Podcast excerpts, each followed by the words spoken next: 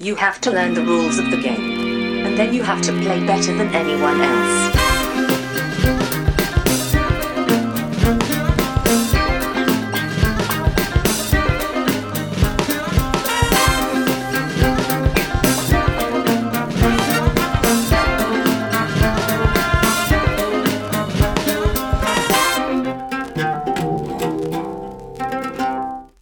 Hej och välkommen till Vems tur är det mellan turerna? Podcasten där vi pratar om spel. Jag heter Marcus Prisman och med mig har jag som vanligt min eh, bästa vän Johan Erud. Hej! Hej Marcus! Hej! Hej Johan! Hur mår du? Ja, jag mår bra. Hur mår du själv? Ja, jag mår eh, okej. Jag har varit sjuk, men det är på bättringsvägen. Ja, Ehm, det är ju sådana tider. ja, det är ju februari och allt det där. Och barn som går på förskola och blir sjuka och allt det. Fast alla har klarat sig bra faktiskt. Jag, det är jag som har varit sjuk. Ja, nej, jag har inte, vi har inte, vi har lyckats undvika allting då trots att vi har en, eller trots att jag, det ska jag inte säga. Vi har ju en jätteliten, en bebis och vi ville verkligen Mm. inte bli sjuka så vi har varit lite sådär, vi har legat lågt om vi säger så. Ja, nej. Och eh, som tur är med små bebisar är att de träffar inga andra bebisar. Eller inte så ofta i alla fall. Nej, precis. Eh, Förskolan är ju bara en smittohärd. Ja. Liksom, där alla Yes. byter kroppsvätskor med varandra. Ehm, En, eh, en tänk- kollega till mig, nej inte en kollega, ja, en före detta kollega ska jag säga. Eh, Sa till mig häromdagen att, eh, att ha sin, sitt barn på förskolan är lite som att spela Pandemic. ja. Ja. Det, det låter intressant. Eller det låter sant. Ja, jag vet inte riktigt. Ja, det, allt det där ligger ju framför en, i alla fall med mig. Så. Mm. Mm, jo, absolut. Vi, vi har klarat oss ganska bra. Eh, Mm. Överlag genom åren. Eller hittills i alla fall. Okej. ja. Ehm, vi fick ju... Det blev ju så långt sist när vi spelade in eh, angående speltermer. Ehm, så vi delar upp det här på två avsnitt tänkte vi. Ehm, och därför så kommer vi först ha lite vad vi har spelat och sen kommer vi bara gå in på fortsättningen från förra avsnittet. Yes. Men vad... eh, Ska jag med jingel? Nu, varsågod.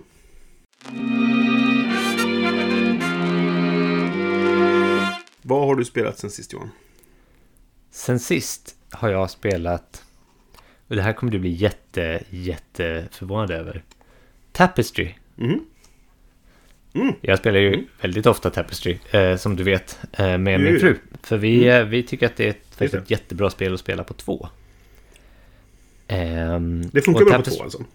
Jag funkar fantastiskt bra på två. Eh, I alla fall för oss. Jag vet inte riktigt. eh, Okej. Det beror Mm. på. Vi kanske båda gillar just det här spelet då. Men Ja, det är i alla fall ett eh, civilisationsbyggarspel då av Stonemaier Games. Där man tar en Mm. civilisation och eh, leder den genom tre, fyra epoker blir det ju. Eh, och under den tiden så ja, får man resurser som man använder för att gå på olika utvecklingstracks. just det. Eh, det finns det väl Military Science Technology och en till som jag borde kunna... Exploration, precis. Mm. Mm. Eh, där man då kan göra olika saker. Eh, en del saker där då gör man det på spelplanen. Till exempel Military Exploration är mycket på spelplanen. Det andra har att göra med uppfinnanden av, av uppfinningar och eh, andra saker. Mm. Och så ska man då klättra på de här stegarna och liksom få mer och mer resurser så man kan utveckla sig mer och mer.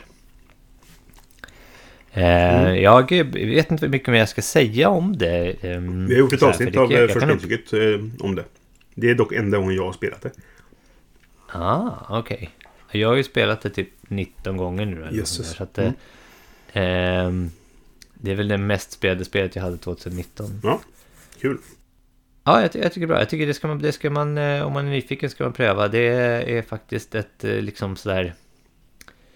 Det har sån himla bra flyt i sig Mm. tycker jag. Mm. Ehm, och så kan man spela det lite olika Lite olika varje gång och liksom ändå få någon behållning i det. Och så, så är det ju det här sista elementet är ju då att om man tänker tillbaka på det första avsnittet du och jag gjorde av, av mellanturerna att man kan verkligen följa sin historien om sin civilisation. I alla fall föreställa sig Ja. att man ja, nu, nu upptäckte man det här och sen upptäckte man det här. Även om det kan bli lite jättekonstigt. Man kan liksom ja, bygga något, eh, vad är det, man kan bygga Ja, typ eh, mobiltelefon utan att ha literacy eller något Ja, sånt. Alltså det, ja. det är inte jätte inte Ja. väl ankrat i... Nej, den gången vi spelade, jag tror att jag var ute i rymden före jag uppfunnit matematik. eh, Och sådär. Liksom. Ja, Så att, ja. precis. Ehm, Men ja, så kan det vara. Sådana grejer kan ju hända. Ja. Men det är ju lite tokroligt också. Jo, precis. Ja, nej men kul. Ehm, Så 19 gånger ser du. Ja, jag tror det var så. Det är inte illa tänkt. Eh, jag har inte kollat. Jag för ju, jag för ju, jag använder den här... Um, BG Stats. ja, det, det skulle man kanske tipsa om Mm, i vår det tipssektion. är bra. Eh, Ta med det dit. Men eh, jag använder den här BG Stats appen. Ehm, och eh, 20 gånger har jag spelat ja. Mm. Ja, det var det. Livebands. Jag, eh, kollar jag i min BG Stats. Vad, vad har jag för spel som jag har spelat så många gånger? Vi ska se. Eh, place. Nej, overview. Jag har spelat eh, Space Base 14 gånger. Nu ska vi se, ska vi sortera på... Eh, där. Nej. Jag har spelat Terraforming Mars 14 gånger. Eh. Ja, eller vänta, hur räknar den här? Nej, men 14 spelare. Hur... Vad, vad konstigt den sorterar. Där. The Resistance har jag spelat 91 gånger. Det är det jag har spelat mest. Det var för vi spelade... 91! Mm, vi spelade jättemycket på Wow. jobbet förut ju. Eh, sen Terraform Okej. Mars klockar in på 31 gånger. Legendary Marvel Deckbuilding Game 29 gånger. Drop Mix 26 gånger. Om det nu är ett spel då. Eh, Quicks 25 Ja, det. gånger och After the Virus 20 gånger. Och sen kommer lite så här ströspel. Ehm, men jag har ju en... Eh, fem quarters. 25, 23 dimes och 38 fives i den här eh, uppräkningen. Då. Så min, min, min Okej, ja. age-index är 14. Eh, nu, nu är jag inte alls med på att se det här, men... Eh, på eh, insights. Fjor, for, fjor, det- jag kan inte prata. Ja, ja, age index. 14, okej. ja, jag letar efter 14 games age replayed at least Aha. 14 times. Ja, okej. Jag har nio då. Nej, det är inte, för, inte fy skam ändå. Nej. Känner jag, Nej, för mig. Verkligen inte. Ja, ehm, jag har... Nåväl, det om det. Ja, precis. Vi spelade klart 50 Clues-trilogin ehm, för ett tag sedan. Ehm, Den har inte jag ens hört talas om. nej, det är alltså ett, ett, som ett escape room-spel ungefär. Det blev jättemycket snack om detta för att det var folk på ett det var The Board Game Forum eller The Board Game Group eller vad det heter på Facebook som någon startade en tråd och skrev typ så här Undvik det här spelet, det är fruktansvärt. Ehm, och det blev en lång diskussion om ehm, vad man får göra i spel och vad som är underhållning och vad som eh, är, är okej att ha som tema i sina spel och sådana saker. Ehm, och, jag blev, Okej. och jag blev jättenyfiken och eh, det, det här är gjort av en, en dansk kille som heter Jeppe. som... Det är gjort av en Jeppe helt enkelt. Ja, precis. Jeppe Norsker heter han. Ja. Och han kom in och försökte försvara sig lite grann och folk lyssnade inte riktigt på honom. Och sen kontaktade jag honom och sa typ så här, hej det här är jätteintressant att det kan bli en sån här ståhej om såna här saker liksom. Och han bara, ja det tråkiga är ju att folk har inte spelat spelet än utan dömer ut det redan liksom sådär. Eh, Ja. Så då frågade jag honom så här, "Eh, skulle det vara okej ifall jag intervjuade dig angående detta? Eh, och sen, ja men absolut, så här, men då skulle jag gärna vilja spela ett spel först. Men jag skickade dem till dig tyckte han. Så då skickade han dem till mig. Vi spelade dem Okej. eh, på tre pers. Det är tre stycken... Eh, det är tre scenarion som heter... Ska vi se. ehm, eh, the Pendulum of the Dead heter det första. Och sen kommer The White Sleep och sen kommer The Fate of Leopold. Så det, man spelar dem i sekvens liksom. Och det är en historia egentligen. ehm, som berättas. Och vad sa du, det är någon slags escape room, eller sån här mystery-grej? Ja, men precis. För vad det börjar med är att man är man är mentalpatient som ska rymma från sitt sjukhus helt enkelt. För man måste rädda sin son. Och premissen är att man så här Du är Maria, som hon heter då, den här tjejen. Ehm, och det står liksom så här på baksidan på, på eh, paketet så står det så här eh, Inte för känsliga. Ehm, Okej. och eh, passa dig, höll på så här. Ehm, Ja, men om man är upfront med det så Jo. vad är, vad är det stora tjohejt om? Det, det stora tjohejet är om att eh, nu, jag har en recension som jag skrivit till Fenix eh, snart och Ja, jag, okej. jag väntar på svar från Jeppe angående intervjun då. Men eh, det stora tjohejet är att det förekommer ganska mycket våld mot barn. Aha. och sånt där är ju jättekänsligt för vissa. Ehm, jag är väl mer känslig för det nu sen jag blev pappa. Eh, vad jag var förut kanske. Men det... det är inte så grafiskt gjort liksom. Men man gör ganska vidriga saker mot barn. I, i scenarios gång liksom. Eh, och det är lite så här. Jag frågade Jeppe så här, liksom, vad, fanns det något speciellt syfte med det? Var, varför kunde det inte vara något annat där och så vidare. Men den här storyn, man blir, det blir ganska tydligt ganska snabbt att här, den här karaktären du spelar är inte förankrad i verkligheten. Hon är galen liksom. Okej. Ehm, och det är så här, man, man hittar, i första scenariot så träffar man någon, man ska träffa sin kontakt och då är det en uteliggare som ligger och så gör man någonting och så kommer det så här toner flygande ur hans huvud och man bara okej, du, du är väck liksom så här. Ehm, så. Men det, det var, vi spelade igenom alla tre. Vi tyckte så här, med, alltså det var, det var inget... ehm, vi blev inte bestörta över det som hände i scenariot Nej. så att säga. Men eh, Okej. Eh, vi pratade en del om det efteråt och sa liksom så här att, att jag, så jag skrev också till Jesper- Jeppe så här, som trodde att det finns eh, att amerikaner är känsligare för den här typen av historia medan vi nordbor så att säga eh, det är lite så här eh, vad heter det Nordic Noir att det kanske är mer okej Ja. här liksom va? för vi har det här i våra deckarhistorier är ganska brutala också liksom Ehm, och sådana saker. Men vi ska se, han ska svara på de där frågorna eh, och förhoppningsvis i nästa nummer av Fenix kommer de eh, vara med. Och inklusive Cool. min recension då. Men det, det har jag spelat sen sist. Ah, Okej. Ser jag fram emot att läsa. Ja, precis. Det ska bli kul att se vad han svarar också. Jag, jag försökte, att liksom så här vara, vara öppen liksom, i mina frågor. Ja. Och inte konfrontera honom, för det finns inget intresse av det. Jag vill, jag vill att han ska få berätta sin, sin version av historien. Liksom. Men Cool. Ja, ska vi köra en jingel och så går vi tillbaka till eh, vårat snack om speltermer. Ja. Kommer den här.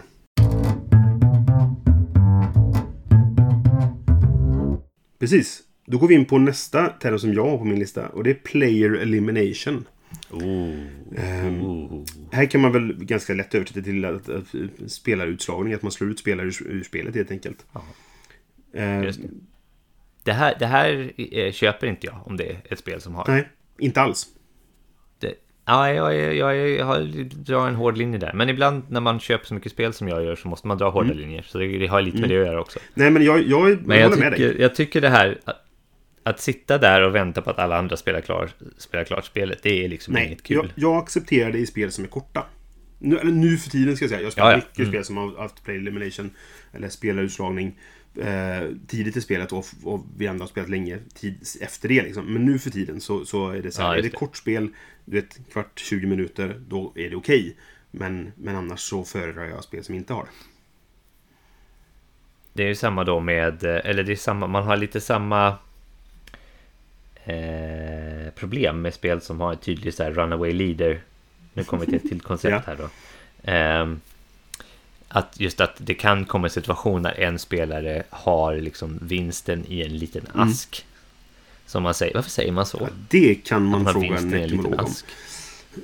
Om man känner det. Det, och hur liten är Ja, asken? det kan man fråga samma mytolog. Eller mytolog. Vad Ja. heter det? Etymolog. Jag ska gå och, och prata med Mm, någon gör som. Eh, och sen så kommer jag tillbaka till det i ett Ja, senare avsnitt. Eh, där en, en spelare har segern i en liten ask väldigt tidigt Mm. i spelet så att det är liksom kanske halva spelet klart någonting. Man vet vem som kommer vinna och man bara sitter där och liksom Och väntar ut tiden. fördriver ut, väntar Mm, ut tiden mm. liksom. Eh, och det är lite samma grej som player elimination tycker jag. Att man liksom, det, det liksom exkluderar, eller har då potentialen att exkludera någon spelare Mm. eh, tidigt i spelet så att den inte riktigt får vara Nej, med. precis. Och det här är ju kanske den största svagheten som jag tycker att Lewis and Clark har. Att den, den situationen kan uppstå där man, när det är en fjärdedel kvar av spelet eller en tredjedel kvar av spelet, är så här. Vi kan inte stoppa den här spelaren nu. För att spelarinteraktionen är så liten att du inte kan påverka och sakta ner någon annan. Ehm, Så att har de fått en motor med sina kort som gör att de kan flytta snabbt framåt så är det väldigt lite du kan göra åt det. Ehm, Men det kan också vara... Den situationen uppstår ibland. Men det kan också vara situationer som uppstår där det är verkligen strid på kniven in i det sista liksom. Uh, in i sista rundan. Och då är det spännande liksom. Och det, resten av spelet tycker jag gör att det är värt att... Okej, jag, kan, jag kan skippa sista 20 minuterna. Det är inte så viktigt egentligen. Vi hade kul fram tills dess. Ehm, Men jag håller med dig. Är det ett spel som är längre kvar, då, då tröttnar jag ju på det liksom. Ja, nej men jag, jag tycker inte vi behöver säga mer om det. Jag tycker att eh, Nej, det eh, vi har gjort vår ståndpunkt Precis, ganska det klar. är dåligt ifall det inte är ett snabbt spel. Så mycket kan man väl säga helt enkelt. Ja. ja. Yes. Har du nästa? Eh, ja, ja, jag kan Mm. ta en här. Eh, take that. Mm. Så eh, med den här termen förstår jag det, eh, det som att det här spelet innehåller någonting där en situation kan uppstå där en spelare spelar någonting mot en annan spelare som kan eh, dels vara någonting som är ganska överraskande och dels slå ganska hårt och negativt mot den Mm. spelaren. På svenska skulle man kunna översätta Eh, till och- sug på den. Ja, eller käftsmäll. Ja, det skulle också kunna funka. Men, eh, och, och, då, och då kan man ju bygga det här. Jag tror att det, att det finns olika... Spel kan vara så här, outright take that. Att det är typ så här spelar man spelet. Liksom. Mhm. Eh, och då är det så här, du ger en smäll och så får du tillbaka en smäll och, så, och det är spelet. Mm. Och sen kan det komma smygande Mm. i andra spel som har helt annan fokus. Ja, precis. Och då tycker jag nästan det är lite värre. Ja, Eh. alltså det, det här kommer ju tillbaka till att, som vi väl pratat om i, i, i andra delar av podden, om inte annat i, i första intrycket. Eh, att jag inte är så förtjust i Take That och alltså negativ spelinteraktion. Om jag inte Ja. vet att det är det spelet går ut på. För att all, nästan alla tvåspelarspel är automatiskt Take That-spel. För att jag har bara en spelare att ge mig på. Då Ja, blir det att jag ja, attackerar dig liksom. Ehm, men men jag, jag är inte förtjust i den här som du beskriver då. Där helt plötsligt så, haha, det visste du inte att jag kunde slå dig på det här sättet. Nej. Ja, ja, då går Jag, jag hem jag, jag har liksom. två exempel där. Liksom. Mm. Ett är Terraforming Mars. Jaha. Där det finns, ja, nu för att jag läste på, eh, jag såg det här på Terraforming Mars på Boarding jag tyckte varför Terraforming Mars, terra, Terraforming Mars, ett Take That moment. Mm. Eh, och det är ju de här eh, korten med så här röd, röd effekt. Så att du tar från någon annan, resurser från en annan spelare för spelare. Liksom. Ja, precis. Det är några hackers finns det och det finns någon sabotage och det finns någonting Ja, annat. det finns flera av de här ehm, eh, olika meteoriterna som finns av olika slag. Tar ju oftast bort eh, grönska till exempel från en annan spelare. Precis. Eh, och det är liksom så här, det tycker jag man kan leva med. Ja, det, är- det är ett så litet moment och det är, det är så lite Ja. som förstörs att det är inte så farligt i det spelet, tycker inte jag. Nej, precis. Och det kan inte sätta dig tillbaka jättemycket. Nej. Eh, men eh, ett annat exempel då på motsatt axel är eh, jag vet inte om du var med, jag tror du var med när vi spelade Greenland. Mm. Ett av mina... eh, Jag tror det var jag som gjorde det mot dig till och med när vi spelade Greenland. Ja, kanske det. Jag försökte kommentera Nej, dina gubbar. Gick, gick ganska bra för mig. Mm. Eh, och vi spelade liksom, vi ska överleva här på Greenland och vi är någon slags inuitstam. Eller det är vi kanske inte, utan ja, i alla fall. Ja, Eh, alla, det är ju det är ett väldigt så här, detaljrikt och eh, korrekt spel. Så att, och eh, simulationistiskt kan man väl kalla det. Ja, just det. Simulationistiskt. Mm. Eh, och med det menar vi att... Nej, let's, let's not go there. Eh, men i alla fall, eh, ganska bra. Och då spelade... Okej, säg att det var du då. Jag är rätt säker på att det var jag. Ett kort som gjorde att jag var tvungen att byta min typ religion eller spiritism till kristendomen. Mm, jag jag, blev... jag, jag, gjorde en handling som kristnade ditt folk. Just det, precis. Och då helt plötsligt var alla, alla saker som var värda poäng för mig, blev värda minuspoäng för mig. Japp. Bara på grund av att du spelade ett kort som jag omöjligt kunde stoppa. Mhm. Och jag inte ledde alls längre. Nej. Eh, Och det, jag det var också liksom mitt helt- enda sätt att vända spelet så jag skulle kunna vinna det. Ja, ja. Jo, jag, jag förstår varför du spelar, men, Mm. men så här, just att spelet har den grejen Ja. Är, är liksom så här, va? Mm. Nej, jag, jag Och, håller med och dig det förklaras med den här simulationi- simulationismen liksom Mm. kanske då, då och, och, och Phil Ekelund och allt det där. Jada, jada. Men, Mm. men eh, vi går inte in där. Men just, just det som hände där var verkligen, tycker jag, ett take that moment. Att Japp. liksom bara, i, i, va? Mm. Nej, men verkligen. Och den, den, det är negativ spelinteraktion eh, i min Och, mening. och det förstörde helt spelet för mig. Mm. Jag kunde ju inte komma ikapp efter det. Nej. Och, Och jag, det fanns det- ingenting jag kunde gjort mot det tror jag. min vinst gav ju mig ganska lite vinstglädje. För att jag vet ju att jag hade förstört andras spelupplevelser liksom. Ja, ja precis. Så att, det- ja. Så, ja. Eh, men, så det, det, det är inte en favoritmekanik kan jag säga. Nej. Nej. Nej, jag håller med. Ehm, jag går rast vidare till nästa på min lista. Det, är, Ja. det här med input och output randomness. Oj, ja den vill jag, den vet jag inte, den, den kan inte jag ens. Den Nej. får du gärna prata om. Det är jättespännande. Eh, jag ska ta och googla fram det nu så jag ger den faktiska, exakta eh, innebörden. Ehm, ska vi se. Då är det så här att output randomness det är när ehm, vi väljer att göra någonting och sen ser vi om vi lyckas. Medan input randomness är slumpmässighet som sker och sen gör du val utifrån okej, vad har jag att tillgå just nu? Vad ledde det här till? Eh, så att output randomness är det som sker i de flesta, nu kommer vi dock till med Trash då, att slumpen i många eh, amerikanska spel, så att säga, eller spel i den amerikanska skolan, det är oftast output randomness för att du tänker så här, "Ja, men jag tänker gå in här och skjuta den här gubben. Slå, slå, slå. Jag misslyckades. Eller slå, slå, slå. Ja, jag lyckades. Och allting hänger på det där Hela tävlingslaget. Arkham Horror. Ja, precis. Arkham Horror är ett bra exempel. Men alltså input randomness, det är till exempel när du blandar din lek i en lekbyggare. För du slumpar ju liksom ordningen du kommer få Ja, korten i. Men sen drar du korten och så ser du, okej, vad, vad gör jag med det här nu då? Ja. Eh, och vad kan jag göra för att påverka vad jag kan göra med det här jag har? Eh, output randomness har ju oftast också så här sätt att påverka då. Liksom att ja, men jag, lägger, jag använder den här resursen och då får jag plus på mitt slag till exempel. Och ökar min chans att lyckas. Eh, Men jag tycker fortfarande att input randomness är mer, mer intressant. För att då har slumpen redan skett. Och det inte, så handlar inte om att ska jag lyckas med min handling. Och misslyckas jag så har jag slump, liksom hela min, min handling bara gått förlorad egentligen. Det händer liksom inte i ett input randomness-spel. För att där har slumpen skett och så ser jag vad gör jag med det nu då. Just det. Ja, Så därför föredrar jag input randomness. Eh, jag med. Ganska Eh. klart. Mm.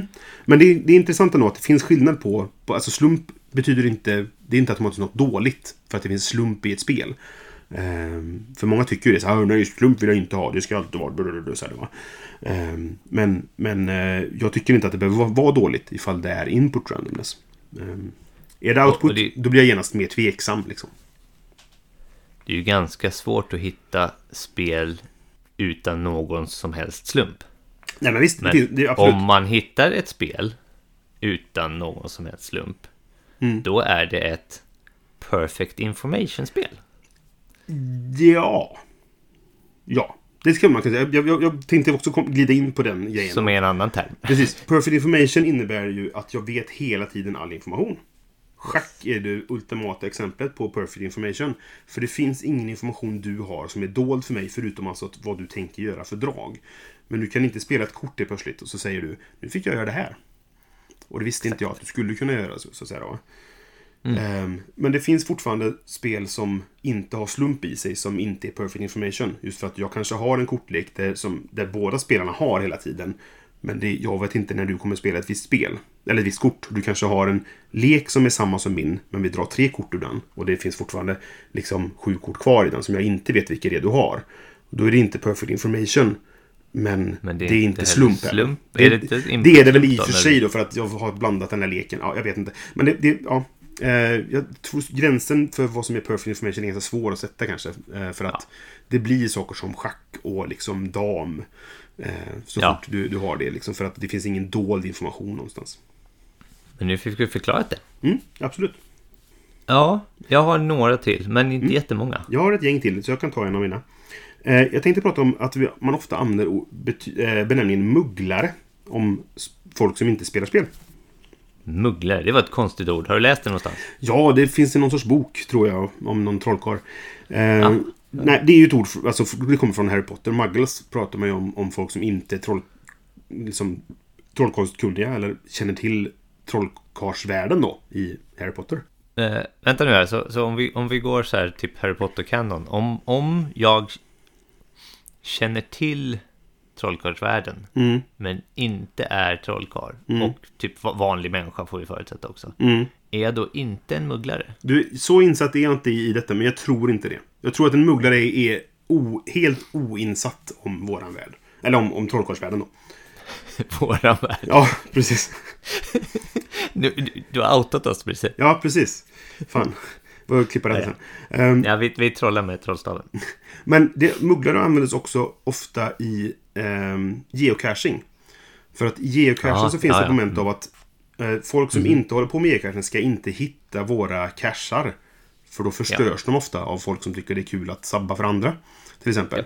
Och då används oftast ordet mugglare för att så här, se till att ingen mugglare ser dig när du klättrar upp i det här trädet där cachen ligger då till exempel.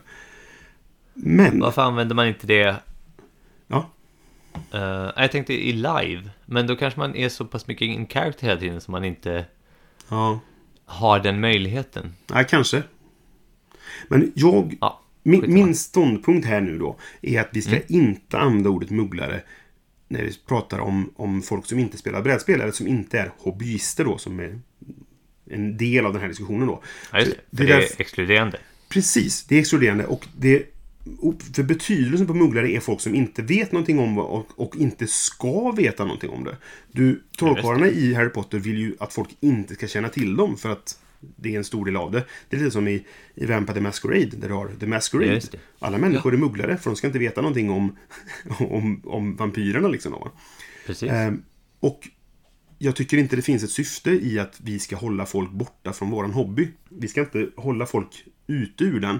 Sen finns det inte alltid ett egensyfte med att locka in alla heller. Alla behöver inte vara brädspelare. Men det finns ingen... Alltså, vi ska inte hålla folk borta från hobbyn. Nej. Är folk intresserade så ska... Det, det finns inget syfte i att säga nej, vi ska aldrig berätta om vad det här är. Och det tycker jag att ordet mugglare har med sig i sin innebörd. Och därför Yes. tycker jag inte man ska använda det.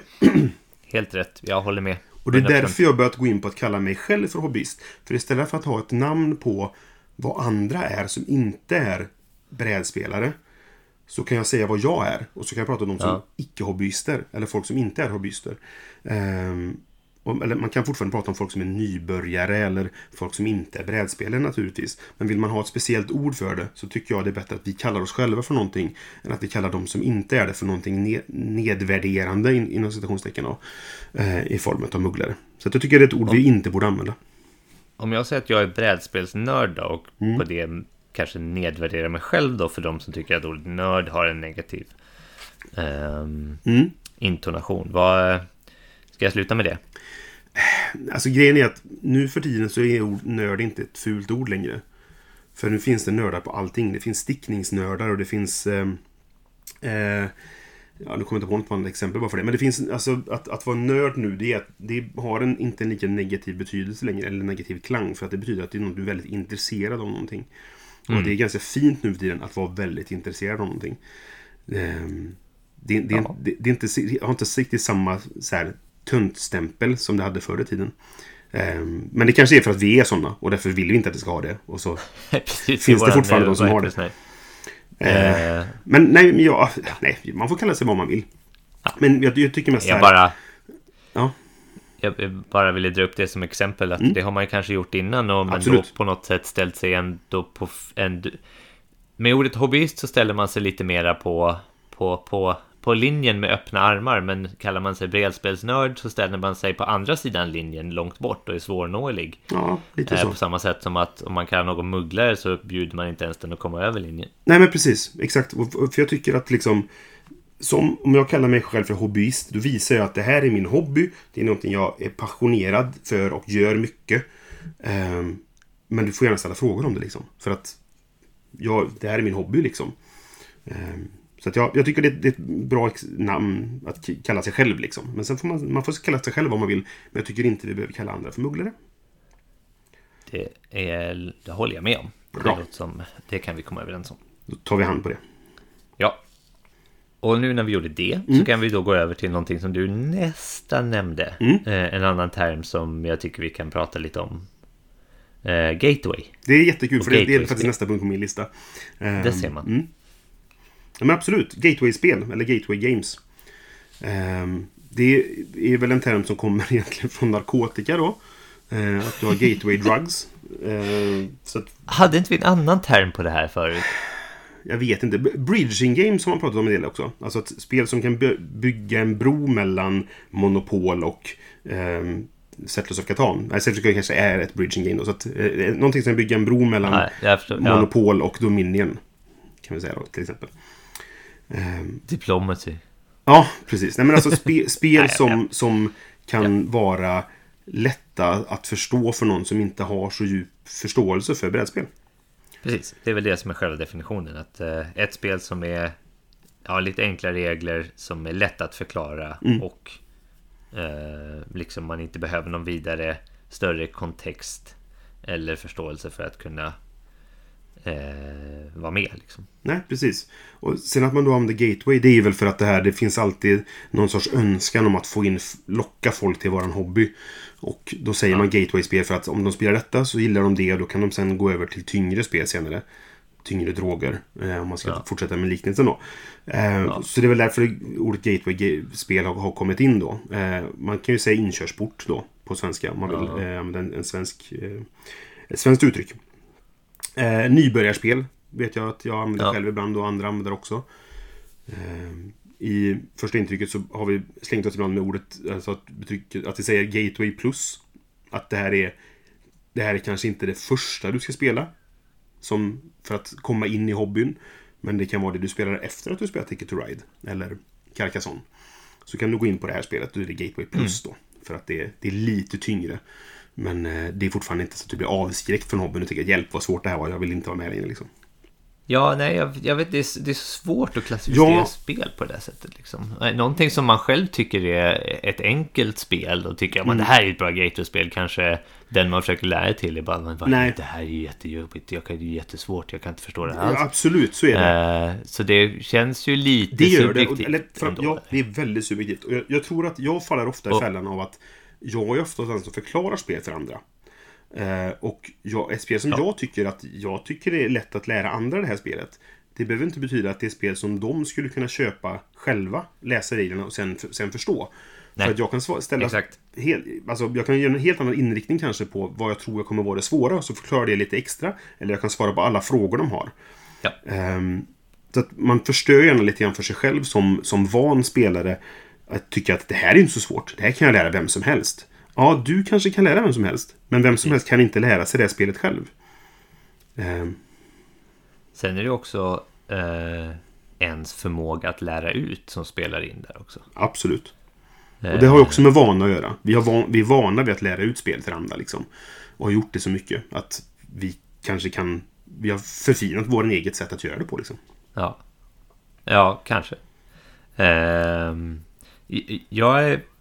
Jag vet inte riktigt. Jag, jag tror att man kan ha många olika sätt att lära ut som funkar på många olika Mm. eh, personer. Liksom. Jag tror att Absolut. jag, jag har väldigt svårt själv att... Jag har faktiskt svårt att få regler förklarade för mig. Mm. Jag med. För att jag är van vid att göra det själv. Jag är oftast den som, som lär andra att spela spel. För att vi spelar hemma hos mig för att vi spelar spelen som jag ska recensera och så vidare. Ja. Därför så blir det oftast jag som har läst reglerna och så förklarar dem. Och därför så har jag ibland svårt att lära mig från någon annan som förklarar. För att jag är inte van vid det. Liksom. Jag, jag tycker att jag, ibland kan det vara väldigt svårt att sitta och lyssna på. Och, och, och varför jag pratar om det här det är att för att om jag inte hade haft ett intresse för brädspel eller vetat liksom hur att jag vet att jag kommer tycka om det till slut så hade jag nog kanske ganska snabbt tappat intresset om, Ja, ja. om man är liksom har för långrandiga för v- vad jag vill komma till med det här är att jag, när jag sitter och jag kan liksom zona ut helt när någon pratar om någonting men på något sätt så absorberar jag ändå liksom reglerna och sen Mm. så när vi har spelat en runda då fattar jag liksom Jo, och det har, det har väl också med din spelvana att göra. Ja, ja, självklart. Ja, ja. det har Jag har ju att göra råd att- att... göra så, för jag vet att jag kommer gilla spelet när jag väl ser alla mekanikerna Mm. klicka.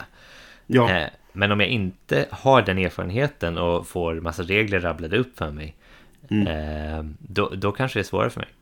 Mm. Nej, men jag, jag, jag, jag förstår precis vad du menar. Jag, jag kan vara likadan. Ofta så kan det vara med ett par, tre frågor. Om jag zonat ut under en gång så kanske jag ställer två frågor. Sen, sen är jag med på, på, på liksom planen igen. För Ja. att det var det där jag, de två sakerna jag missade. Liksom. Eller så får jag säga, vänta nu, förlåt, jag hänger inte med. Menar du så här?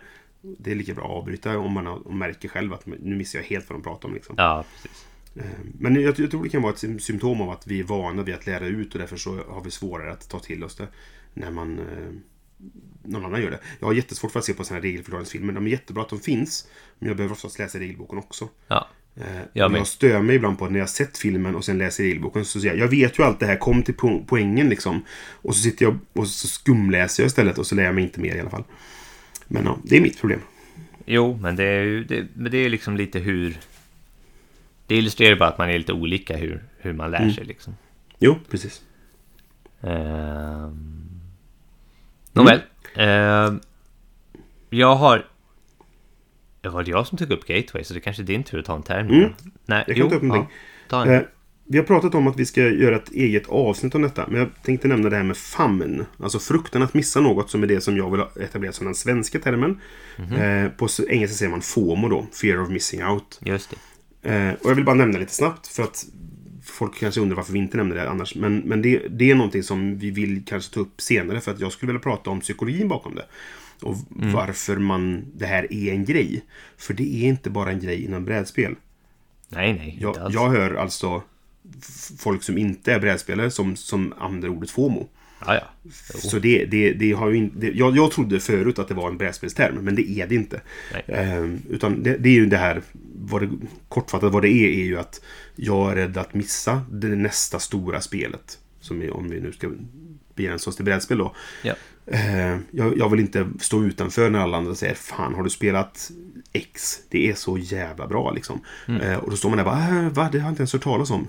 Nej, då har jag fruktan att missa något liksom. Så att jag måste köpa alla spel som finns liksom. Men det är ju en, en rädsla av att exkluderas. Ehm, Mm, Jo, precis. och, och jag tror det är inte så mycket att man kanske inte får äga spelet eller någonting sånt där. Utan att man Nej. inte får ha upplevelsen. Nej, och, men sen, Eh. det, jag tror det kommer... Det finns en del av att äga det också för att... Det, och det har med Kickstarter att göra. Eh, det här med att du, du, det här spelet går bara att få tag på Kickstarter. Eller det har Kickstarter-exklusiva prylar i sig. Och då kommer famnen in och säger att jag måste äga detta. För annars kommer jag vara den enda av alla tuffa brädspels snubbar och snubbinnor liksom då, som har det här spelet och jag har inte allt till det. Då är jag en sämre brädspelare än dem. Ehm, och Det, där där är ju någonting trams. som vi måste jobba Men- med som hobby i sådana Mm. fall tror jag. För det Ja, är ju jo. en, en ren exkluderingsmekanism också. Jo, fast Men- jag tror, jag tror inte det är så uttalat från andra, utan det är någonting som Nej. man lägger på sig själv. Ja, Ehm, precis. Men vi, ja, vi vi ska gå vidare egentligen, för att det här, det här kan vi prata om jättelänge. Ja, det jag. blir ett Eh, långt avsnitt, vi gör ett eget avsnitt om det fram, i framtiden. Mm, Men jag ville mest nämna det. Så att, eh, du kan få ta nästa istället. Ja, ja, jo, jag kan ta eh, en till har jag här. Eller två Mm. till har jag. Men jag vill avsluta med, med den sista. Eh, Men jag, jag pratade lite när vi pratade Yukon Airway igen. Vad bra att jag tog Mm. upp det här spelet. För jag får så mycket liksom, anledning att koppla tillbaka till det. Ja. Eh, Point-to-point movement. Mm. Och det är då eh, klassificerat som att eh, när man har en... Eh, man rör sig på en spelplan mellan olika eh, points. jag vet inte vad jag ska kalla det. Olika Punkter, platser, platser. kan man säga. Punkter, punkter är, är bra, en bra översättning. Mm. Eh, I någon form av syfte då. Till exempel om man tänker tidigare, pick up and deliver är oftast väldigt, väldigt kombinerat med point-to-point movement. Liksom, för att du ska Mm. ta det här så ska du flytta det till någon annanstans. Ehm, så eh, Yukon Airways är ett point-to-point movement för att när man flyger så flyger man mellan olika samhällen i Alaska då och då måste man flyga igenom dem man eh, liksom genom vissa för att komma till andra liksom. Mm. Eh, intressant nog så eh, när jag kollade upp Lewis and Clark tidigare så är Lewis and Clark också ett point-to-point movement-spel. Det kanske man inte tänker på egentligen. Nej, Men och man tänker kanske inte på att det är ett racingspel. Men Nej. är inte grejen att point-to-point movement är väldigt vanligt? Är Jo, inte Monopol ett precis. point-to-point movement-spel till Ja. exempel? Eh, Ja, och man kan, man, jag, jag tänkte på 18xx igen. Ehm, Mm. Jag vet inte om man movar sådär jättemycket i det spelet, kommer jag just på. För att det är väl med att man lägger en räls som sen kopplas ihop med och sen Mm. körs tågen där, men tågen är imaginära. Så att eh, det kanske Ja, inte är så, så, så bra exempel, men all, allting egentligen när man flyttar en pjäs på en karta enligt en eh, linje eller en, en, en tidigare bestämd linje så att säga, så att det inte bara är haphazard, är ju point-to-point movement.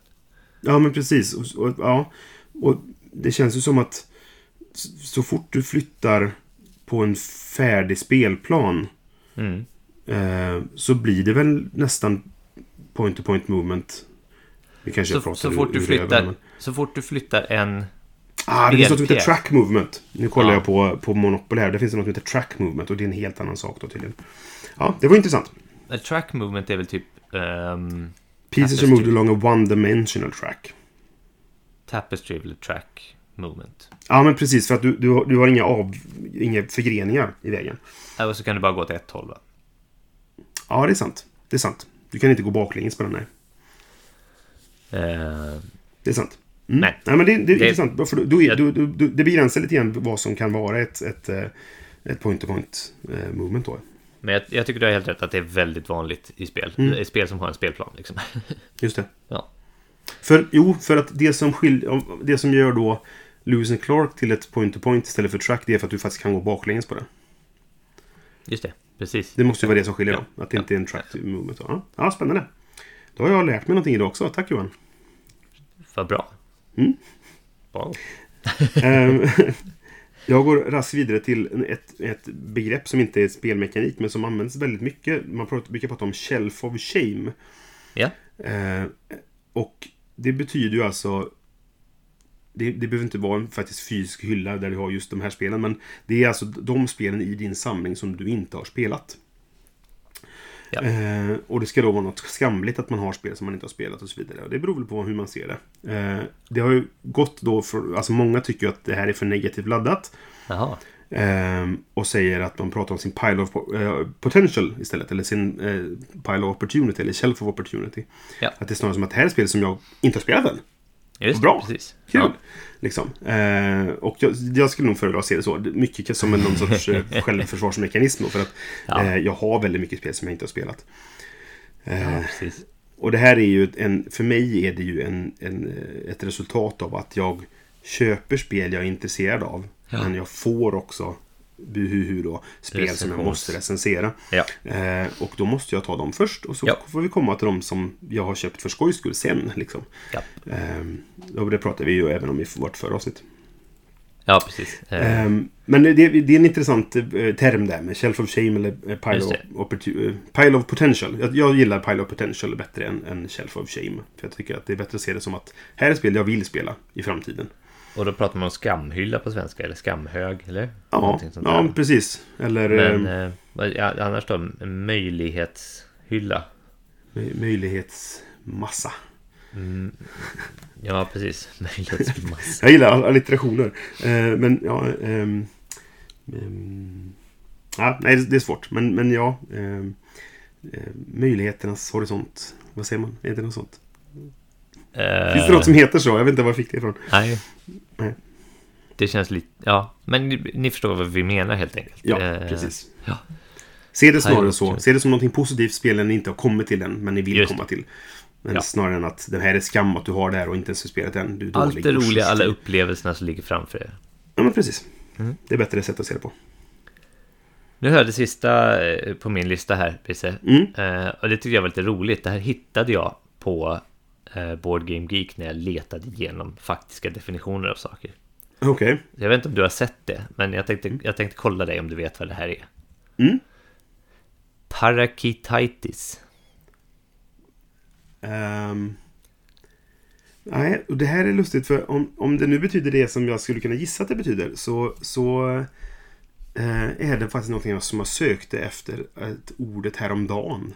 Jaha. Ehm, men jag, skulle gissa att det kanske har när du sitter och tittar på en spelplan och rör ditt huvud på ett sätt där du försöker se en, en väg till någonting.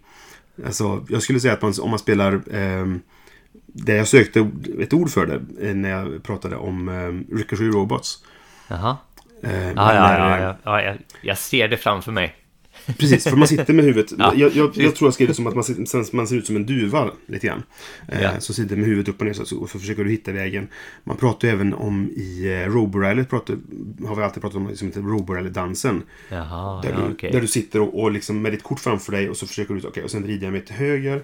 Och så, och så sitter man, och man sitt, sittdansar till höger och vänster och, och bak och fram. Och så, så man försöker hela tiden se, okej, roboten är riktad ditåt så då blir det höger, så för roboten, okej. Ja.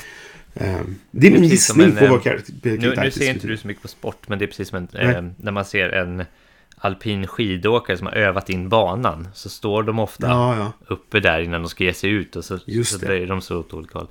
Nu var, nu var det inte det jag men, som menades med det här Nej, ordet. det var bara min gissning. Men, okej, Men det är jag tyckte var en bra gissning, jag tyckte det var en jättebra gissning. Jag tycker vi borde ha ett ord för, för det där. Mm. Ehm, Eller men hur? parakititis, det är, det är när man sitter och beundrar be- brädet så mycket. Mhm. Eh, så att man... Eh, eh, det är typ som en AP på grund av att man är distraherad av hur vackra komponenterna är eller artworket. Ja, eller okej. någonting sånt där.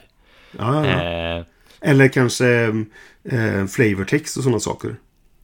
Ja, kanske. Ja, eh, men det, det är mer visuellt tror jag faktiskt. Att det är typ så här. Att, du vet som en, jag- en parakeet är ju en sån här papegoj-historia. Som man, man tar någonting som Mm. glimmar och så eh, blir de jätteintresserade. Så, här. så det är typ så här. Eh, att man är lätt distraherad. Alltså jag tror att det är någon, någon form av så här. Det här kan alltså antingen då vara ett problem i det att eh, Mm. spelet går inte vidare. Eh, eller att man lätt, lätt kan distrahera den här typen av spelare genom att typ säga, ah, men du bygger där så blir det symmetriskt, snyggt. Ja, just det. Eh, och tydligen då finns det tillräckligt mycket sådana här eh, spelare så att det har fått ett eget uttryck. Okej, Eh, kul. Jag jag faktiskt inte tror- aldrig hört det. Jag tror att jag är gränsfall. Ja, jag tror inte att jag fastnar i det, men jag kan fastna i ehm, Fan vad snyggt det här gifter sig. Temat och mekaniken här. Ja, okej. Det kan, det kan jag fastna i och bara sitta och beundra det. Ehm, men det gör man oftast på- när det inte är ens egen tur, så det Ja. stör inte så mycket. Nej, precis. Jag tror att det är lite humoristiskt också, men det finns ändå med där bland alla, alla orden på... Mm. Ja, på Kul! Board Ja, det är roligt med nya ord. Ja. Så får vi bara hitta på ett ord vad det heter det här när man sitter med, och du vet så här, eh, Ja, med huvudet liksom. och liksom måttar på något vis. Spelmåttning. Nej. Mm. Jo, eh, alltså det, det kommer ju i mitt fall då från, från Ricochet Robots som Ja. är ett spel där man ska hitta den kortaste vägen för en robot att åka på en spelplan. Just Och då precis. sitter man och räknar så här. En, två, tre, fyra, fem, sex. Och så sen, går huvudet fram och tillbaka eller upp och ner liksom. Ja. Eh, och så räknar man tyst i huvudet. Så det ser det väldigt intressant ut när man upptäcker några andra som spelar det här spelet och aldrig, inte vet vad det är. Eh, nu nämnde right. du en sak som jag kan ta upp då, som vår nästa punkt. Eh, du sa AP. Ja, det sa jag. Eh, och det står ju för Analysis Paralysis, eller analysparalys, som man då har valt att översätta till på svenska. Vilket jag tycker analysparalys låter töntigt för att det låter som att man bara översätter direkt. Ändå Båda orden finns AP. i svenska, så det finns ju då. Och, men, man kan fortfarande säga AP då. Eh, och hur, klassar man, vad, vad, hur klassificerar man AP? Det är ju alltså då när man sitter och tänker för mycket på sitt nästa drag så att det bromsar spelet helt enkelt. Och det gör man ju oftast då när det blir ens nästa drag. Ehm, För att man ska kunna göra det mest optimala draget, men det gör också att ingen annan kan göra sitt drag. Nej men precis. Och, så här, jag tror att den renaste formen av betydelsen av, av AP eller är den där det finns just nu så många val att jag inte kan göra ett val. Nej, och precis. man blir paralyserad i det. Att, Ja. här, jag vet verkligen inte vad jag ska göra för det finns för mycket att välja på. Ja. Ehm, sen används det ofta för att säga kom igen nu, det är din tur. Ja, Spela spelet liksom. Eh, och det är väl det som de flesta använder det som ändå. Men, men eh, det är ju någonting som, som jag i våran spelgrupp som vi har här så finns det vissa som är värre på detta än andra. Och det, det där är olika också för att jag är en sån eh, spelare som gärna chansar lite grann. Jag testar li- och så får vi se vad som händer Yes. liksom sådär. Ja. Eh, och kan of, då oftast räkna ut mitt nästa drag medan jag väntar på att det blir min tur. ja, Ehm, men så vinner jag kanske inte alltid heller. Jag vinner ofta spel när vi spelar första gången. För att då kan man chansa lite mer. Och de andra blir efter ett tag så stressade av att jag in, de tycker att de är långsamma när de får AP då. Ja. Ehm, så att de gör, okej, ja, men jag gör det så här då liksom. Ehm, och det kanske inte går i, i lås då, den, den planen eller vad det kan vara sådär. Jag tror också att det kan bero lite på hur spelet är designat. Jag tror att man kan, Ja. på, jag, jag tror att man kan designa ett spel som minimerar, eller i alla fall minskar risken för analysis paralysis om man gör det på ett sätt där det valet de andra spelarna gör eh, inte påverkar ens egna actions nej. på fundamentala sätt. Nej men precis. Det- Alltså det går ju spela. Det finns ju spel som inte går att undvika API. För att Ja, nej, hela situationen förändras före det blir Precis. din tur. Ja. Så du kan inte planera förväg. Utan när det blir din tur så är det bara att okej, vad gör jag nu liksom? Ja. Ehm, det var ju det som störde mig lite grann med det här. Eh, vad heter det? Som vi eh, alla köpte och tyckte så himla mycket om när vi var i Essen. När man slog tärningar som var rymdskepp. Quantum. Det köpte bara du. Och sen köpte jag ditt. Men ja. Ja, men, men Åke köpte det också. Eller Dennis möjligtvis. Någon, någon mer köpte det. För vi spelade inte mitt ex ens när vi spelade där nere. Nej. Ehm, Ja. För vi spelade en gång och sen så tyckte jag så här, "Pff, vad är detta liksom? Men det var för att jag störde mig på att det, hände, det blir så mycket kaos mellan rundorna. Att när det blir min tur så, så var ingenting som det var när jag var klar med min förra runda. Och i och med att du i det spelet oftast måste göra flerstegsraketer för att lyckas med någonting. Så fanns det för lite chans för mig att faktiskt bygga upp en strategi inför flera rundors framtid liksom. För att Mm. allting hände och sen var det helt annorlunda när det blev min tur igen. Så så det var bara precis. taktiska val hela tiden. Vad gör jag nu liksom? Och då, då är det, spel, det är ett spel som är illa designat ur den, ur den synpunkten då. Ja, tycker jag så. Sen så, det- var väl inte så dåligt som jag... Men det, det är det klassiska. Jag fick en dålig första spelupplevelse och sen så Mm. sänks spelet på grund av det då.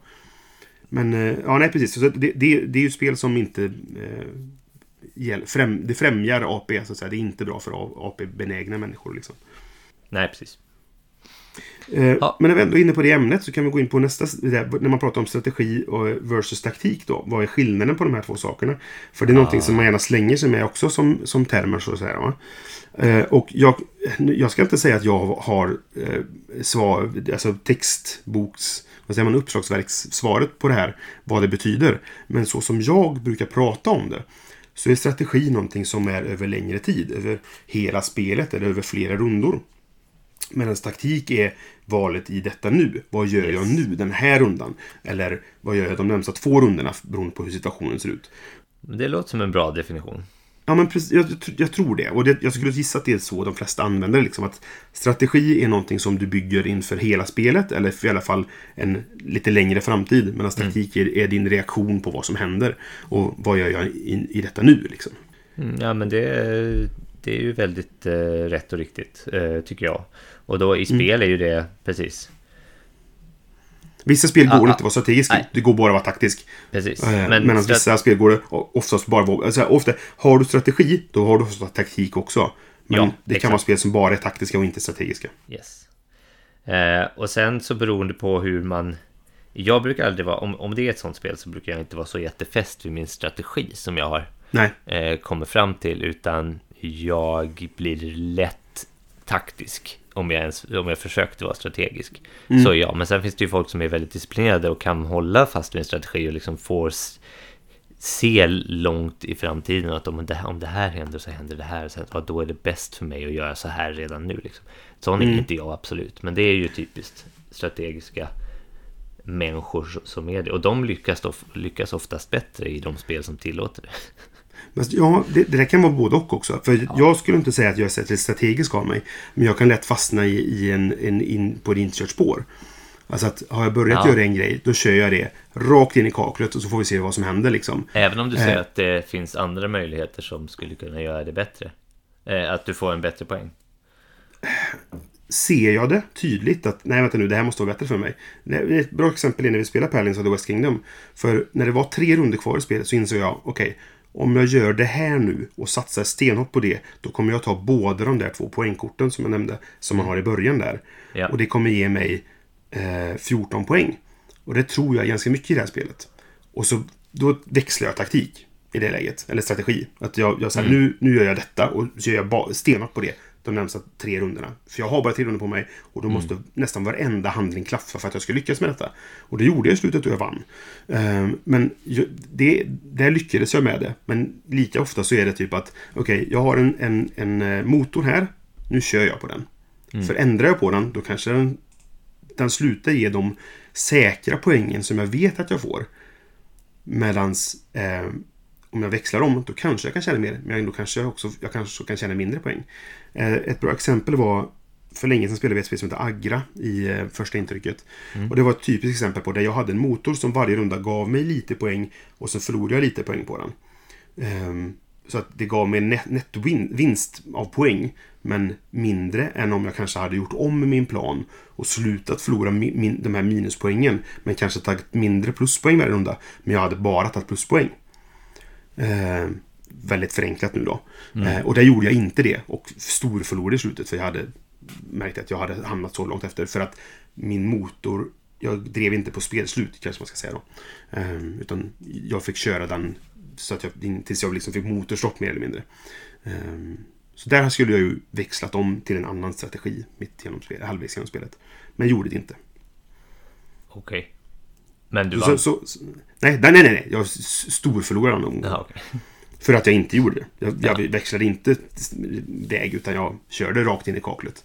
All right, Ehm, all right. Men att, att så här, som jag, att gå tillbaka till det jag sa förut, att jag kanske, jag vinner oftare första gången vi spelar ett spel än spela, om vi spelar det igen Mm. sen. Eh, och det kan också bero på att hittar jag en, en bra motor, då kör jag på den sen.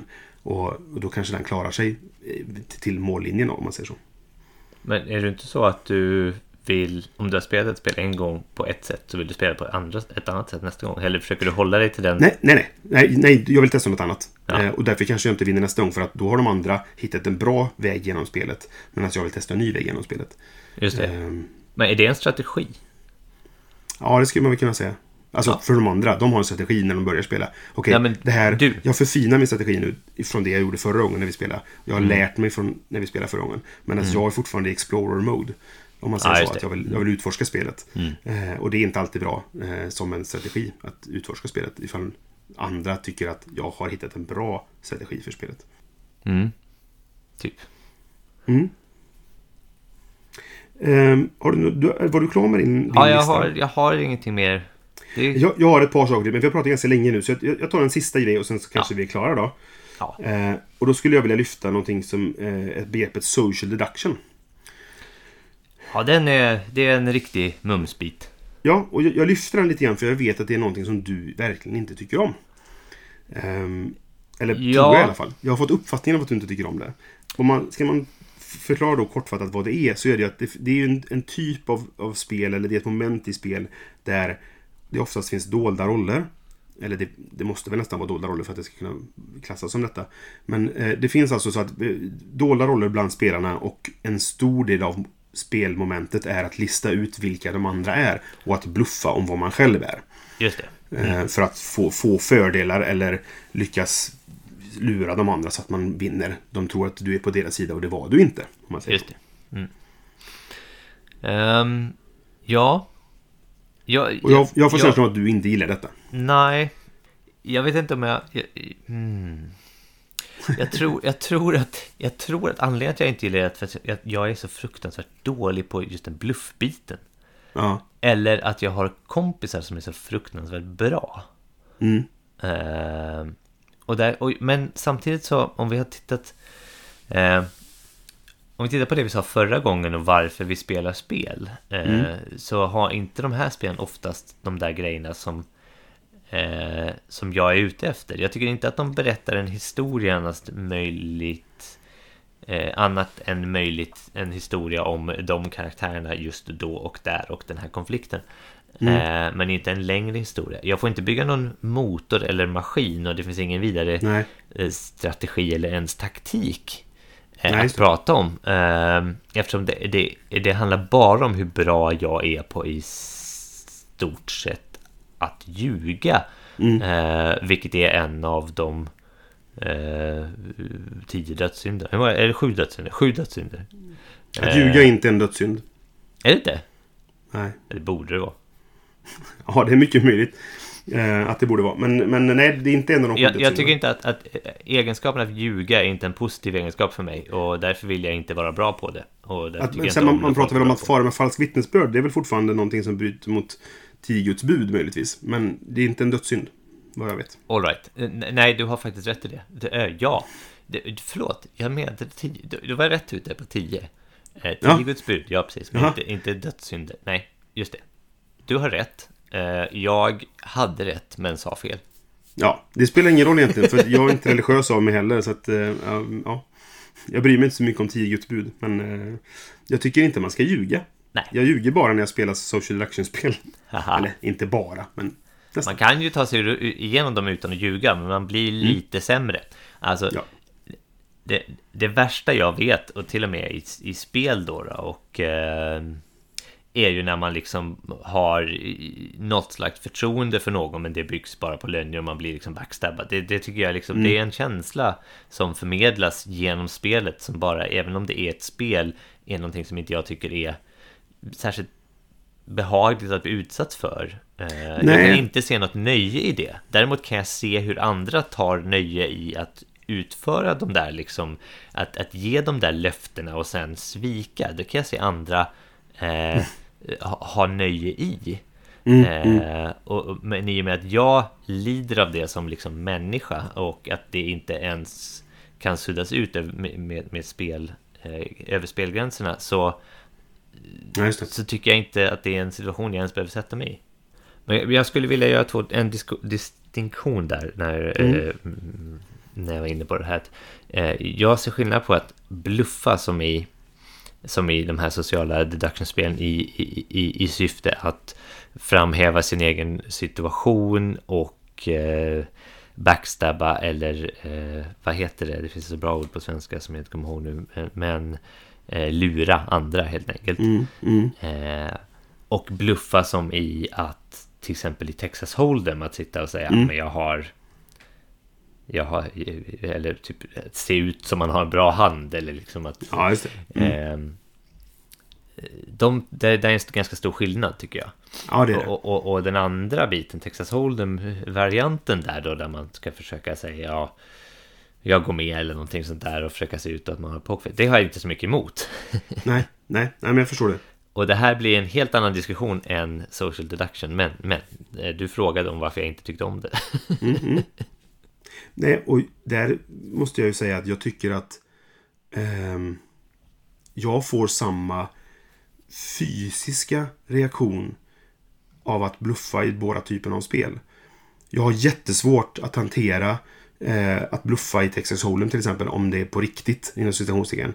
Då får jag hjärtklappning och det är så här, jag blir nervös. Och jag har Okej. antagligen 700 täls som sprutar i ögonen på mig liksom. Eh, och det kan jag bli i, i social deduction-spel också. Ifall det är en situation där typ så här, det är nu vi vinner eller inte. Liksom. Att det hänger på det här grejen. De får inte avslöja mig i det här läget just nu. Eh, eller genomskåda att jag är, är spion eller vad det kan vara. Liksom. Då Ja, kan jag få samma hjärtklappning och samma eh, nervösa tics. Liksom, sådär. Ehm, men det händer mycket mer sällan i den typen av spel. För oftast kan man vara ganska lugn med att det här är snart över. Och det handlar inte om pengar. Eller liksom, det finns ingen prestige i detta. Eller vad det nu kan vara. Då, som det kanske är mer i Texas Hold'em eller liknande. Ehm, så det, det, det spelar väl också. Då, liksom the stakes, om man säger så. Eh, var de ligger någonstans.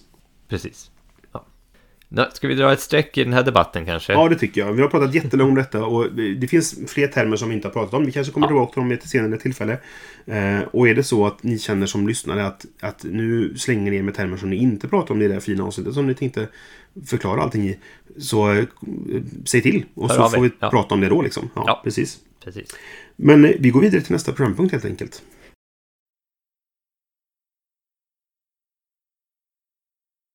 Okej, vi har kommit fram till programpunkten Inte ett speltips. Tipset. Ehm, Ett speltips. Tipset. ja, precis. Ja, jo, ja precis. Det väl. men, men det kunde, vad sa vi om det här egentligen? Det kan vara spelrelaterat det va? kan vara spelrelaterat, absolut. Ja, Eh, det jag. Så nästan BG så. Stats var väl en, en, en bra tips. Eh, om man tycker Ja, precis. statistik är kul. Ja, om man tycker det. Ja. Tycker du det? Ehm, jag hade ett annat tips. Ja, Men eh, mm, kör. jag tänkte tipsa om någonting som jag läst på ett så här, jag vet inte vad jag hittade. Det är någon DIY-sida på, på eh, nätet såklart. Mm. Om Ikea Lifehacks. Okej. Och att man då kan väldigt enkelt göra sig en ehm, Dice Tray. Mm. Eh, så det gjorde jag här om tidens. Eh, Okej. och det är... eh, eh, man går helt enkelt till Ikea och köper en, en ram. Mm. Eh, till, en, till ett foto eller någonting sånt där. Typ eh, en ribba. Mm. Eller något sånt. Det var en sån jag köpte. Så vänder man på den. Eh, ser till att liksom den här botten sitter i. Mm. Eh, och sen så köper man en, det finns, jag hittade på Amazon, det vet man inte riktigt om man ska stödja eller inte, men Mm. eh, man kan hitta det i säkert andra hobbyaffärer Mm. med en sån här filt, eller fält. Mm. Vad heter det på svenska? Det heter fält på engelska, men vad heter det på svenska? Eh, ja, Eh. filt tror jag. jag. Jag gjorde en sån här också. Jag köpte en musmatta. Eller jag tog en musmatta från jobbet. Ja, Som jag la i botten. ja precis. Så lägger man Mm, den i botten på den där. Och så har man en perfekt, ja perfekt är den ju inte, det skramlar väl lite mycket. Mm. Eh, dice tray Mm. för när man ska slå sina tärningar. Ja, det är väldigt smidigt faktiskt. Jag använder faktiskt den. Jag köpte en sån här lite pengar. Eh, liten dice tray för några år sedan som jag använde ganska mycket. Eh, Eh, Var inte den rund? Du köpte en rund va? ja, precis. Ja. Men jag har gjort en sån också som eh, ligger i en låda. Eh, Ja. För att jag läste också Alltså det var, det var mitt eh, tips. Mm. Det var lite spelrelaterat. Men Ja, eh, nej men det är, det är absolut ingenting. Det var inte ett spel.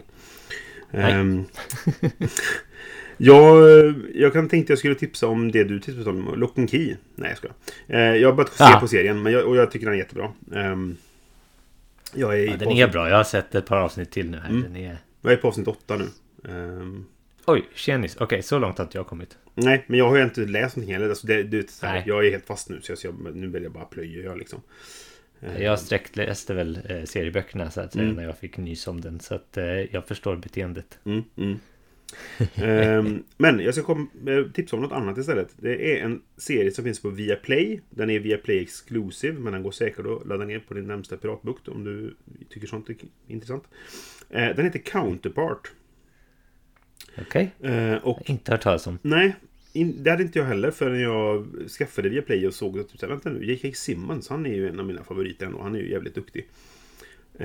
Och det handlar om Howard som han jobbar på, det utspelar sig i Berlin under typ eh, ja, det är nutid men det är väldigt så här, kalla kriget spionthriller-stil liksom. Och ehm, om man gillar den typen av grejer med en liten twist. Jag ska inte säga att twisten är för det, är mycket roligare att upptäcka liksom, när man ser serien. All right. Så är Ja. den riktigt bra tycker jag. Det finns två säsonger. Okej. Ehm, J.K. Simmons är jättebra i den. Och det, det är ganska snabbt kommer man fram till vad twisten är. Liksom, sådär. Men den, den är jättespännande. Ehm, så varmt rekommenderar. Men jag- det är svårt att berätta om den utan att avslöja för mycket. Liksom, sådär. Men Counterpart heter den. Counterpart. Men så här, via Play, det är väl, är den alltså eh, via Play Exclusive? Det betyder att den är typ nästan gjord i Sverige typ, eller något sånt där, eller nej? Eh, nej, den är gjord i Berlin. Alltså den är inspelad i Berlin. För ah, okej, Mm. okej. För den, annars borde den finnas kanske på någon annan streamingtjänst, tänker jag. Det, jag hittar den bara på Viaplay, men den finns kanske någon annanstans. Det står ju att den är Viaplay Exclusive när man, när man slår upp Ja. den här. Liksom, då. Ja, då är Ehm, den säkert det. Ja, för det, det var en sån, jag, jag började titta på den och sen var det så här, jag kunde inte sluta titta förrän... Och sen var det me- mellan säsongerna, så jag bara kom igen nu, fortsättningen tack. Liksom. Ehm, men sen är den avslutad då, efter säsong två och det blir... Eh, den gör väldigt mycket intressant med, med berättande narrativet och vad som har hänt och, och tillbakablickar och liksom sådär. eh, Så att, ja, den är varmt rekommenderad. Eh, Counterpart. Om man inte sett den. Jag hade missat den helt förrän jag helt plötsligt bara upptäckte den där. Så, så det, Ja, jag också inte... Jag har också inte hört Jag har inte hört talas om den heller. nej, nej men, eh, eh, men den, när är den ifrån? den är från eh, 2018. Ja, Så den är ja, rätt ny. okej. Inte, inte jättegammal i alla fall. Nej, alltså det... ehm, andra säsongen kom nog förra året. Ehm, Okej. så att... ehm, men den är ja, väl värd att se. Apropå J.K. Simmons tycker jag han dyker upp överallt. Mm.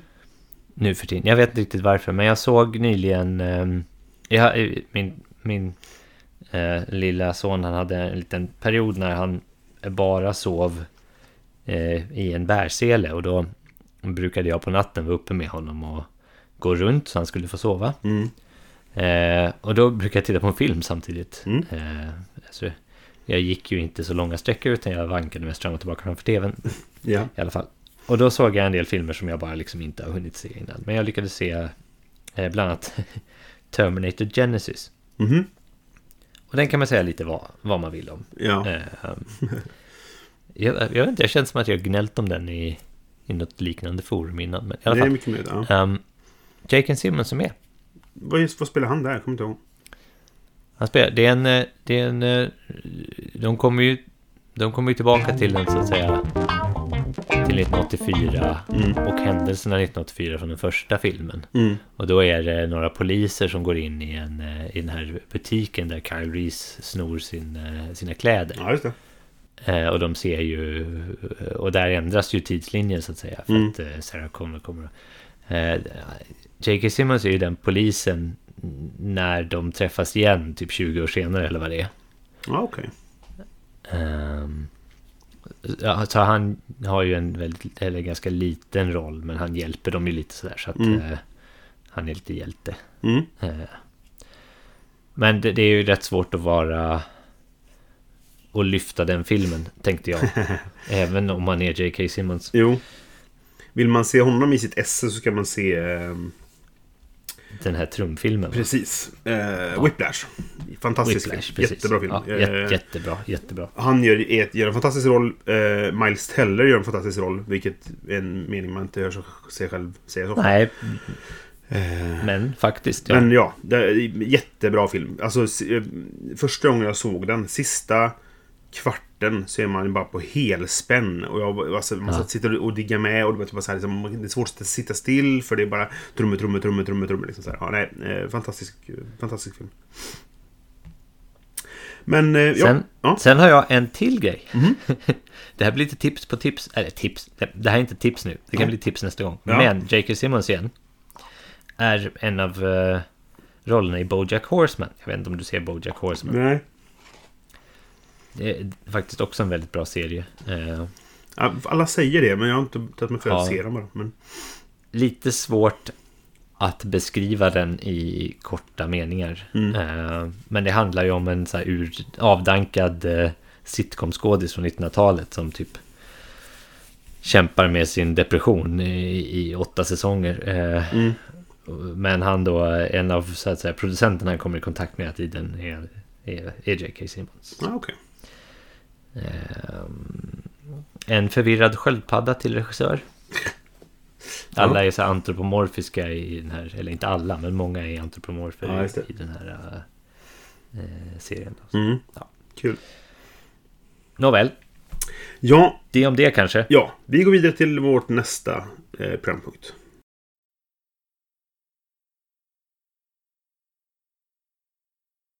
Vad ser du fram emot att spela, Johan? Gissa. Oj. Eh, Vast. Exakt, Vast, Ja. The Mysterious Gött. Mansion. Just det. Med Mm. Manor till och med. Mysterious Manor. Mm. Ja. Eh, och det visste du för att du har... Eh, jag har fått det här spelet av dig. Ja, precis. Du ska ju recensera det åt mig. Eller Ja. åt Phoenix. Men nu har jag ju eh, fått och tittat på det och eh, vänt på det och klämt på det och känt på det. Och jag tycker att det verkar jätte, jätte, jättespännande. Mm. Ehm, så det ser jag verkligen fram emot att spela. Ehm, och då är ju det en, så att säga... Det finns ett originalväst och det finns en expansion till originalväst och det här är alltså typ den tredje generationen av väst men det är ett standalone spel i sig. Ja, just det. Eh, och ehm, jag har inte spelat någon tidigare väst. Jag har varit spelat nyfiken på Första det. Väst en gång. Ja, Ehm, Och tyckte det var okej. Det har fått stanna i min samling. Eh, Mycket för att det är intressant mer än eh, bra kanske. alltså det är väl kanske det som, det som är... Jag har två grejer med väst. Eh, just att det är så intressant. Att man har... Mm. Man har... Det är så, det är så här typ definitionen på asymmetri som vi säkert Mm. kommer till i ett framtida avsnitt. Ja. Att man då, det utspelar sig i, ett, eh, i en, i en gammal mansion, herrgård. Eh, och originalspelet utspelar sig i en, i, en, i en grotta tror jag. Mm. Eh, och då har man olika typer av varelser som är i den här eh, herrgården av, för, av olika eh, anledningar då. Man har Mm. en paladin eh, som vill jaga skatter, tror jag. Nej, han vill jaga ett, ett, en spindel som bor i pyramiden. Sen har man skeleton som vill jaga paladinen. Sen har man spindeln som vill fly. Och sen har man en warlock som bara är där och ställer till, verkar det som, och, och, och letar Okej. skatter. Och det sista, den sista rollen man kan spela är då själva herrgården. ja, just det. Det är ju Eh, samma som i Väst. En kan spela grottan då. Exakt, precis. Mm. Eh, och, eh, men det, och, och, och varje roll är helt olika men de har då eh, samma regler att förhålla sig till. Då. Mm. Men som sagt, det ska vi prata om senare. Det här, men det, det här ser jag väldigt mycket fram emot, och, emot att spela här nu. Och det är ju Mm. också illustrerat av eh, samma person som gjorde Root. Ja, som jag är lite sådär tagen av. Eh, Mm. Kyle Ferrin heter han. Eh, som har väldigt stämningsfull, lite så här s- sagostil på sina illustrationer. Mm. Ja, så att eh, där, eh, det där är jag eh, mycket intresserad av nu. Mm. Kul. Mm. Ja, men vad bra. Du fick ett spel till. Vad var det? Dragon Realm? Har du hunnit kolla något på det? Eller? Ja, det har jag gjort. Jag har inte hunnit det spela det. Nej. Eh, det är ett ehm, ganska enkelt eh, äventyrarspel. Mm. Ehm, det ser enkelt ut, men jag tror att det finns en hel del liksom, taktik i det. Eh, som kan vara intressant. Men jag måste nog spela det för att försöka göra en bedömning. Det är, det är väldigt fina illustrationer och väldigt fina små meeples och sådär. Så att eh, Mm. eh, det har varit kul att sitta och, och, och plocka med det. Men eh, Ja. jag vill nog spela det först. Det skryter om ska jag säga, för det är inte helt vanligt i spel nu för tiden. En speltid på ungefär 30 minuter. Okej. Eh, och om det är ett, ett taktiskt och, och lite så här utmanande spel man kan spela på 30 minuter är inte det helt fel. Nej. Ja. Ehm, Du då Brisse? ja. Jag ser fram emot att spela Just One. Eh, det var ju det spelet som vann Ja. Spiles Jares eh, Just det ja. i år. Och eh, de kommit med en svensk utgåva nu då. Och eh, jag fick en för att recensera och jag, jag har inte hunnit spela den. För man måste ju vara typ minst fyra, fem stycken tror jag. Eh, men förhoppningsvis på lördag nu då så ska vi få chansen att spela detta. Och det verkar jättekul. Det, det går ju ut på att eh, eh man har 13 kort i en hög och så får en spelare ta ett översta kortet, ställa i sitt lilla staffli eh, och så ska de andra så säger man en siffra mellan 1 och 5 är det väl. Och så ska de andra se vilken siffra det är och så ska man skriva varsin ledtråd. Men ledtrådarna Eh, sen sen får, när alla har skrivit varsin ledtråd så får den som ska gissa då blunda och så får alla visa sina såna här. Och alla som är dubbletter, eller där det står ungefär samma sak liksom, eller exakt samma sak, de försvinner. Eh, Okej. Så det, det får bara finnas en av varje svar så att säga. Då. Och sen ställer man fram dem framför den här personen och så får de då gissa vad det kan vara för ord liksom. Om man gissar rätt så får de behålla kortet. Gissar de fel så får de slänga det kortet och ett till kort. Eller så kan de välja att jag välja att inte svara för jag har ingen aning. Liksom. Och då slipper man, då blir man bara av med det aktuella kortet. Ehm, och det är hela spelet. Sen kör man eh, liksom tills man gått igenom alla 13 korten. Och ja, det verkar väldigt roligt. Ehm, Okej. I hur man ger så här. Hur tänker jag nu? Okej, jag ska få dem att gissa på slips bara. Ja. Knut kan jag skriva, fast det kommer antagligen någon annan skriva. Man skriver nål kanske. Du vet, så här. Ah, jag förstår. Och, så, och så liksom är det det det går ut på lite grann. Så här, vad tror jag att ingen annan skriver? Och kan jag tänka kring ordet för att skriva ett annan typ av ledtråd då? Eh, det ska bli, nu ska vi spela det på svenska som sagt. Jag, jag, jag, jag tror att på engelska är det kanske bredare i för att du har fler betydelser som vi pratade om i, i, Ja, i, eh, tidigare då. Eh, men det går säkert att hitta. Förhoppningsvis har de valt ord som, som kan vara lite så här tvetydiga och sådär. Så man kan skriva olika sorters ledtrådar till dem. Eh, det låter inte helt olikt Dixit. Ja... Nu har jag inte spelat Dixit, ska jag villigt erkänna då. Men Åh, där är det väl mer att en person säger en enords ledtråd. Eller ett, en mening eller vad det nu är. Och så ska de andra spela kort som de tycker passar på den. Just det, så det är lite så här tvärtom. Ja, för det här är ju, det här är ju kooperativt. Det här vill ju alla att man ska lyckas svara då. Så att man vill ju skriva ord, för det är bara enords eh, ledtrådar nu då.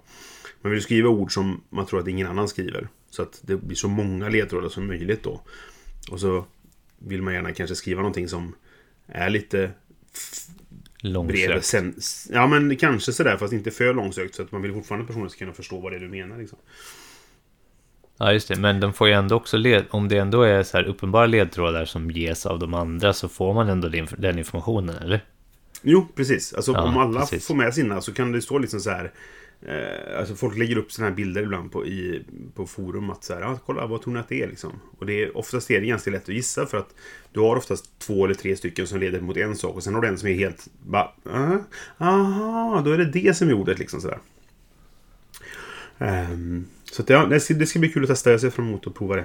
Ja, det låter intressant. Mm. Matthew Jude hatar det. Ja, Han tycker okej. det är vedervärdigt. Tydligen. Ja, Har han gjort en eh, sån liten eh, video på det, eller? jag tror det. Ja, okej. Det, jag tror inte jag har sett en video när han hatat något ännu. Så det ska bli kul att se. Nej, det, det kan hända att han inte har gjort en video om det. Men han har, han har uttryckt sitt hat på andra håll. I Ja, podcast okej. och sånt. Liksom. Eh, det, det var inför Spieles Jahre som typ såhär, det här får inte vinna. Då tar jag livet av mig. han typ. Oj, jösses. Ja, nej, han överdriver ju så. Men, eh, och så vann det. Och så Ja. tog han livet av sig. Ja. Jaha. Ehm, Okej. Det, så det ser Ja. jag fram emot att spela. Förhoppningsvis på lördag. Ehm, och så får vi se. Jag ska få eh, träffa min eh, eh, gode vän, den andra Johan. Göteborgs-Johan. Och hans... En tjej han börjat dejta. Um, då ska komma hit och spela spel tillsammans med Josefin och Lobo. Så får vi se. Ja, kul. Eh, hon är nybörjare så att vi ska, jag tänkte vi ska vara snälla. Vi spelar Just One så får vi se sen vad vi tar i. Tar fram. All right. Mm. Ja, mycket skoj. Ja. Önskas. ehm, Eh, ja. Jag kommer inte spela någonting på ett litet tag. nej. Men eh, förhoppningsvis tills vi spelar in nästa avsnitt av det här. Just det. Vi vet nog fortfarande inte riktigt vad nästa avsnitt kommer att handla om. Eh, vi får se. Eh, nej, inte i, i talandes stund. Nej. Eh, och eh, vi vill ju ha hjälp med det. Så att eh, om du som lyssnar nu här vill höra och har lyssnat så här långt. Eh, Mm. Vill höra eh, oss prata om något särskilt. Så eh, var inte rädd att höra av dig på Nej. eh, Facebook eller eh, något av de andra, andra kanalerna där vi finns. Mm. Spelradio.se. Facebook.com slash spelradio. Ehm, musiken är gjord av Robin Landahl. Ska nämnas. Ja. Och eh, nej men som sagt, hör, hör av er om ni har idéer. Vi har en del. Vi har en lista på, på ämnen vi vill ta upp. Eh, vi tänker också kanske i framtiden sagt att vi ska ha gäster med. Ehm, ett ämne vi har funderat på är detta var spelen verkligen bättre för? Tänker jag vi ska se om vi kan få med Bitter och tysk på det avsnittet. det La du ut någon slags lockbete där nu? Ja, precis. Ja, Så får vi se om de, eh, om de kan och vill. Och det kanske är någonting vi skulle kunna spela in på plats i Stockholm vid något tillfälle. ja kanske det. Eh, eller så. Men eh, ja. Ehm, nog om det. Tack för den här gången. Eh, Tack ska ni ha för att ni har lyssnat. Framöver. Ja, tack så mycket. Ha det bra. Hej då. Hej då.